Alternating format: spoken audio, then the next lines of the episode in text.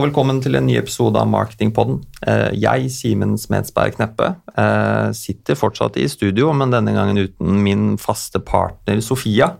Det er rett og slett fordi vi er såpass mannsterke og så kvinnesterke i studio her i dag eh, og skal snakke om personalisert markedsføring. Det er noe veldig mange har snakka om, kanskje siden 2017-2018. Men det er fortsatt like aktuelt den dag i dag. Eh, for eh, noen uker siden så hadde vi i Karat og advokatselskapet Del av Piper et frokostseminar eh, hvor vi snakket om nettopp dette. Et frokostseminar som ble veldig godt tatt imot, og derfor tenkte vi at det er en perfekt anledning å snakke litt mer om dette her i dag. Som dere kanskje forstår, så skal vi litt inn i hva som er lov, hva som ikke er lov. Jeg som digital rådgiver er derfor ikke verdens beste til å snakke om det. så Derfor har vi med oss rett og slett ekte advokater fra DLA Piper. Eh, velkommen skal dere være. Så dere kan jo få lov til å introdusere dere selv. Ja, takk. Uh, Petter Bjerke heter jeg. Jeg er partner i det som heter immaterialrettsavdelingen i DLA Piper. Ja, og så Julie Lind jobber som advokatfullmektig sammen med Petter i samme avdeling. Velkommen skal dere være. Og vi har jo også med oss vår egen Thomas Horn. Velkommen igjen. Takk. Thomas Horn heter jeg. Jeg er ansvarlig for CRM og kundedialog i Karat. Så da har vi fått etablert hvem som skal snakke med meg og mot dere. Eh, så jeg tenker vi egentlig bare starter hvorfor vi sitter her i dag. Eh, kan dere egentlig si litt om bakgrunnen for dette frokostseminaret? Hvorfor var det så viktig, og hva er det vi egentlig ville ha ut av det? Ja, jeg kan jo si innledningsvis at vi har eh, i Karat og Dentsu har jobbet uh, godt og tett med DLA Piper i, i, mange år. Og vi ser jo at våre kunder ønsker seg en ja, ønsker seg råd og veiledning på grenseskillet mellom både markedsføring og teknologi, som vi holder på med, og juss. Så Derfor så syns vi det var veldig interessant og, og bra når vi kom, sammen kom opp med den ideen at vi skulle hatt et, et frokostseminar på det. Det er det vi skal dra litt gjennom om mm. hva vi snakket om Eh, om det eh, Da har vi snakket om det da, men det var jo da fokus på førstepartsdata. Mm. Og da, eh, når vi først er inne på dette med både førstepartsdata Det har jo vært snakket om det i en del år. Kan du gi oss en litt mer forklaring i hva vi legger i det begrepet? Ja, førstepartsdata er jo all type data du får innsamlet fra egne kilder. både online og offline mm. Eh, kilder. Og det kan være eksempelvis um, apper, uh, CRM-system, uh, førsteparts-cookies på sidene dine. Um, sosiale medier, også undersøkelser, er en del av førstepartsdatasettingen. Mm. Så kan vi på en eller annen måte si at dette her har noe med personopplysninger om? Altså Er det noe som sier noe om meg? Ja, det stemmer. Førstepartsdata vil så å si nesten alltid være personopplysninger. Og det er jo nettopp fordi at det er snakk om data som kan identifisere en person. Veldig mange virksomheter blir overrasket over hvor vid definisjonen av personopplysninger faktisk er. For etter regelverket så er en personopplysning enhver opplysning om en identifiser eller identifiserbar fysisk person. Så om du har en opplysning som enten direkte eller indirekte kan identifisere en person, så har du en personopplysning. Og de enkle eksemplene på det er jo selvfølgelig navn, mobilnummer, telefonnummer. Litt vanskeligere er opplysninger som indirekte identifiserer en person, og det kan være IP-adresse, men det kan også være et bilskilt og bilskiltet her er da en personopplysning fordi man ved å søke opp i motorvognregisteret kan identifisere eieren. Så det handler jo da om, å, om opplysninger som kan identifisere en person. Mm. Ja, og for å hoppe litt inn her, bokstavelig talt, så er det jo også settingen som vi ser kundene våre eh, vurderer og lurer på. Det er denne sammenstillingen av data som gjør en opplysning personlig eller ikke. Og eksempelvis så hvis man er mann 35-39 og bor i Oslo og, og, kjører en Porsche Carrera, så er jo ikke det en personopplysning, de tre elementene eh, hver for seg. Eh, ei heller satt sammen, for det er veldig mange menn i den aldersgruppen som kjører Porsche Carrera i Oslo. Men eksempelvis hvis du bor i, i postnummeret 6184, Storestandal i Ørsta, så er det altså uh, ti husstander som bor der, og da vet alle med sikkerhet hvem den personen er som har kjøpt seg en Porsche Carrera. Og da er det en personopplysning. Og eh, hvis man da sitter på denne type data og ønsker å bruke det i markedsføring, hvordan må vi da forholde oss til det? Ja, altså, Da er det to sentrale regelsett som man må forholde seg til. Uh, og Det er uh, når det gjelder personalisert markedsføring. og Det ene er markedsføringsloven, og så er det personvernregelverket, GDPR. Så jeg kommer litt tilbake til, til det. Men om GDPR generelt, da, så er det, den består av noen generelle sånne grunnprinsipper som man alltid må ha med seg. og det første er at man skal behandle opplysninger på et lovlig eh, grunnlag. Rettferdig åpenhet. Og det, det er krav om at man har et, et rettslig grunnlag. Og man må være transparent med, transparent med, med hvilke opplysninger man eh, behandler. Og så er det et formålsbegrensningsprinsipp. At du skal alltid behandle opplysninger eh, for et konkret formål. Et eksempel er hvis du f.eks. driver en, en takeaway-kiosk som tilbyr hjemlevering, så må du selvfølgelig samle den opplistingen du trenger for å kunne levere maten til den adressen det skal. Men hvor familien var på ferie eller hvor mye de tjener, det er for så vidt irrelevant for den eh, tjenesten. Det, det skal du i prinsippet ikke samle inn, da, for å si det sånn. Men det kan jo selvfølgelig være interessante førstebatsdata mm. å ha, eh, for all del. Uh, og så er det et prinsipp om at uh, opplysningene må være riktige, og de skal da eventuelt uh, slettes hvis man vet at det ikke er riktig lenger. og så skal du har du også et sånt datalagringsbegrensningsprinsipp som gjør at hvis man har brukt en opplysning for det formålet, type levert tjenesten hjem, da har du levert oppdraget, da skal du i prinsippet slette det etterpå, med mindre du har et grunnlag for å fortsatt sitte på det. Uh, og så er det også et prinsipp om at du må ha tilstrekkelig sikkerhet og IT-sikkerhet for å behandle personopplysninger. Så det er liksom grunnprinsipper som man skal ta med seg. Så Når det gjelder da disse behandlingsgrunnlagene som jeg nevnte innledningsvis, altså der er det to, uh, to, grunnlag som er sentralt her. Det ene er at man kan ha en berettiget interesse Eh, etter GDPR. og det er Da da må man foreta en sånn balanse om eh, virksomhetens interesse i å markedsføre er tyngre enn personvernet til det, til det enkelte. Og Da må man gjøre en, sånn, en, en test da, for, å, for, å, kunne dokumentere at man har gjort den vurderingen riktig. Mm. Uh, uh, og så er jo det andre grunnlaget er samtykke. Mm. Eh, det sier seg selv litt hva det er, men eh, det er faktisk eh, ganske strenge krav til hvordan man innhenter et gyldig samtykke. For det skal jo være frivillig, det skal være spesifikt, det skal være informert. altså Du må ha god nok informasjon til hva du samtykker til. Det må være utvetydig, altså det må være en aktiv handling som viser at du har aktivt avgitt et samtykke. Du må kunne dokumentere det, og så må du ha muligheten til å trekke det tilbake. Mm. Er det sånn at uh, vi kan både velge både hvem av disse man foretrekker, eller er det sånn at man bør velge et av de, eller må man kanskje ha begge to? Nei, altså Alle disse behandlingsutlagene, eller begge to jeg nevnte, uh, er i prinsippet likestilt. Så, så, du må på en måte treffe et valg. Mm. Men, uh, men markedsføringsloven kan legge noen føringer på, på hvilket grunnlag du kan velge. fordi der er det slik at det er visse former for markedsføring, elektronisk markedsføring eh, på e-post eh, eh bl.a., eh, som krever forutgående samtykke. Så da må du bruke samtykke som rettslig grunnlag. Mm.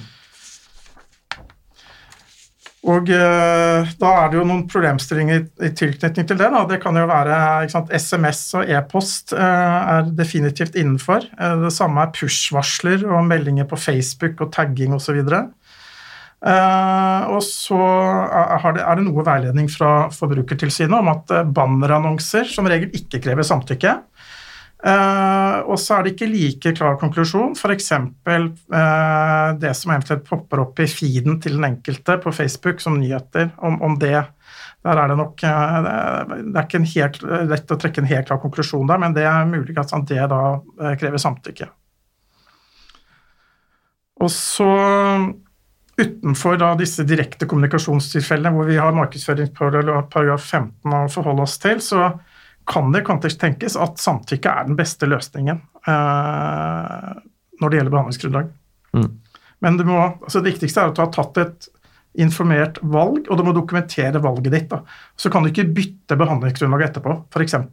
hvis du har basert deg på samtykke, og så trekker noen samtykke. Mm. Da kan du ikke si hm, da baserer jeg meg på berettiget interesse, og så bare fortsetter du. Altså Da må du stoppe. Mm.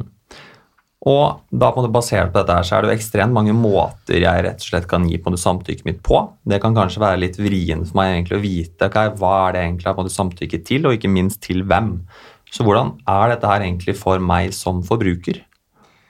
Det skal jo være mulig for deg når du samtykker, å vite hva du samtykker til, hvem du samtykker til. Du skal forstå, du skal få god informasjon om det. Dessverre så ser vi at det er veldig mye dårlig praksis på dette i markedet. Særlig dette med manipulerende design og det vi kaller for dark patterns har fått veldig mye fokus den siste tiden. Både her i Norge, men også internasjonalt, og særlig i EU. Og dette begrepet manipulerende design det har ikke en rettslig definisjon, men i denne sammenheng så handler det om et grensesnitt eller en egenskap ved design, en brukeropplevelse, som er utformet på en måte som styrer, lurer eller presser brukeren til å ta et valg som først og fremst er i virksomhetens interesse, men som kanskje skader brukerens personvern. Og det er jo nettopp tilfellet når forbrukeren føler at man blir presset eller lurt til å samtykke til å gi fra seg personopplysninger til digital markedsføring, enten fordi informasjonen er villedende, vanskelig å forstå, eller fordi man rett og slett ikke orker å klikke seg gjennom de utallige mange avvis-knappene når man veldig enkelt kan klikke på den store grønne 'ja, gå videre'. Vi kan vel alle relatere til det. Eh, og vi har jo veldig mange eksempler på dette med manipulerende design og saker her. Den kanskje mest kjente er vel Amazon Prime, som i 2021 ble klaget inn til det europeiske forbrukernettverket for brudd på forbudet mot urimelig handelspraksis fordi det var så veldig vanskelig å si opp abonnementet. Eh, og det resulterte i at Amazon nå i juli endret eh, den praksisen. Så det trenger ikke nødvendigvis bare å handle om eh, samtykke, men det kan være andre måter da, og, eh, på bruken av eh, personopplysning. Mm. Og eh, jeg vil jo tro at de fleste annonsører der ute er jo ikke ute etter å prøve å lure folk eller å prøve å fremstå manipulerende. Men det er jo kanskje litt sånn at eh, når man sitter midt oppi det og prøver å finne den beste løsningen, så kan det kanskje være litt vanskelig å nettopp finne den aller beste løsningen. Så hvordan kan man som virksomhet unngå å oppleves enten manipulerende eller lokkende? Ja, det er helt riktig. Jeg tror ingen har onde intensjoner eh, når de utformer markedsføringen sin. Og det kan jo være litt vanskelig, for det er ingen konkret regel i personvernlovgivningen eller i markedsføringsloven som adresserer dette med manipulerende design spesifikt. Det kommer et eksplisitt forbud mot dette i EU sitt nye direktiv The Digital Service Act. Men i dag så vurderer man rett og slett bare designet opp mot markedsføringslovens eh, bestemmelse om eh, urimelig handelspraksis, eller personvernprinsippene i GDPR, som Petter da var inne på. Eh, og det enkle svaret på spørsmålet ditt er jo at her må rett og slett virksomheten bare hele veien tenke personvern i utformingen eh, og designet på markedsføringen.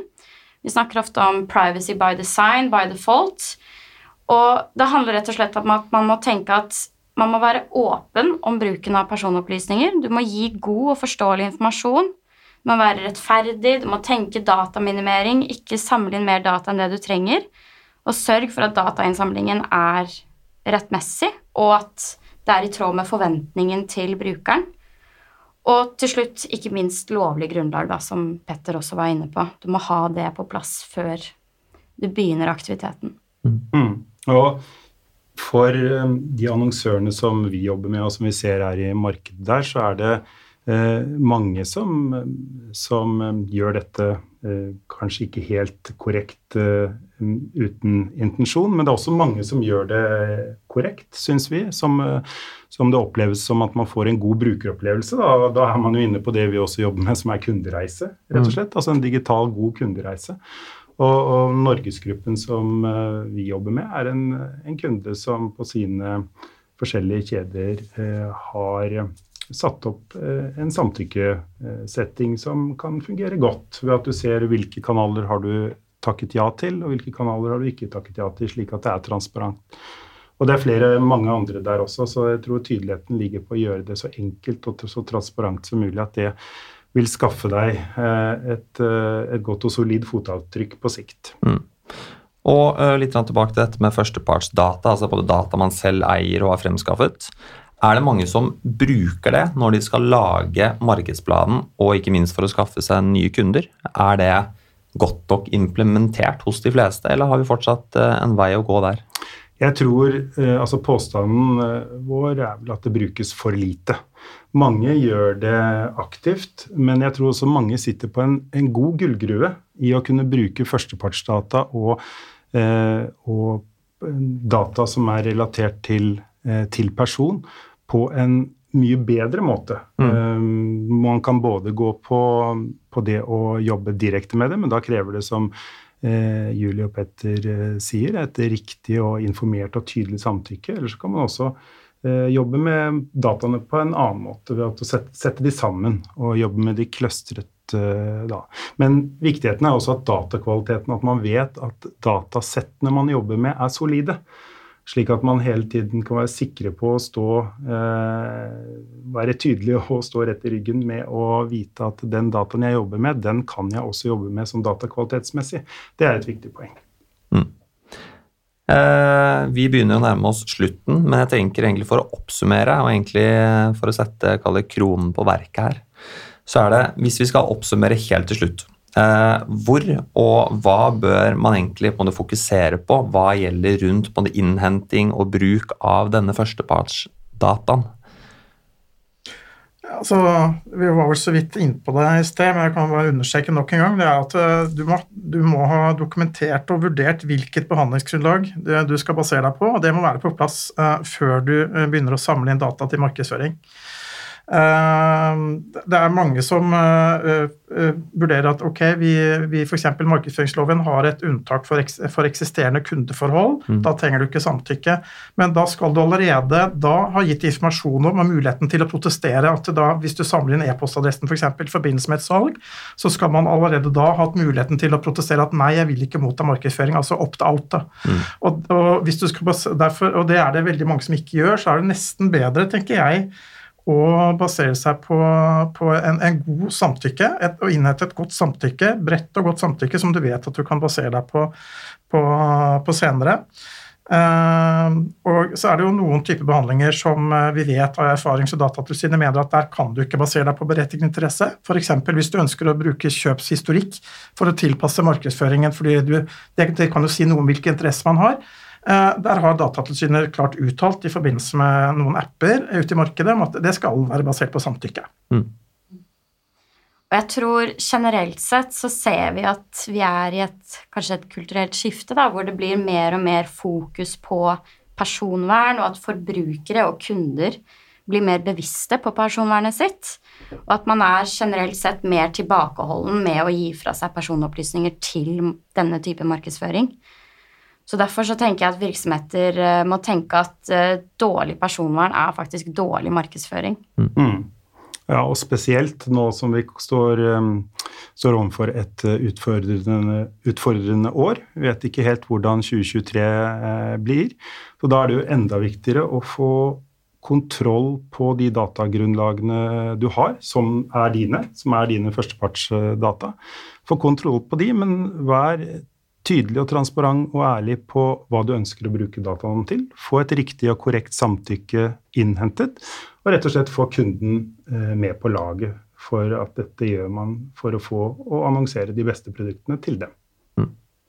Og med det så tror jeg vi sier at det var det vi rakk for nå. Eh, tusen hjertelig takk til dere alle tre at dere, kunne, eh, at dere kunne stille opp her i dag, og ikke minst må dele veldig god og nyttig informasjon, ikke bare til meg, men også til eh, lytterne våre. Så tusen takk. Takk, takk for oss. Takk. Og så høres vi igjen neste uke. Ha det bra.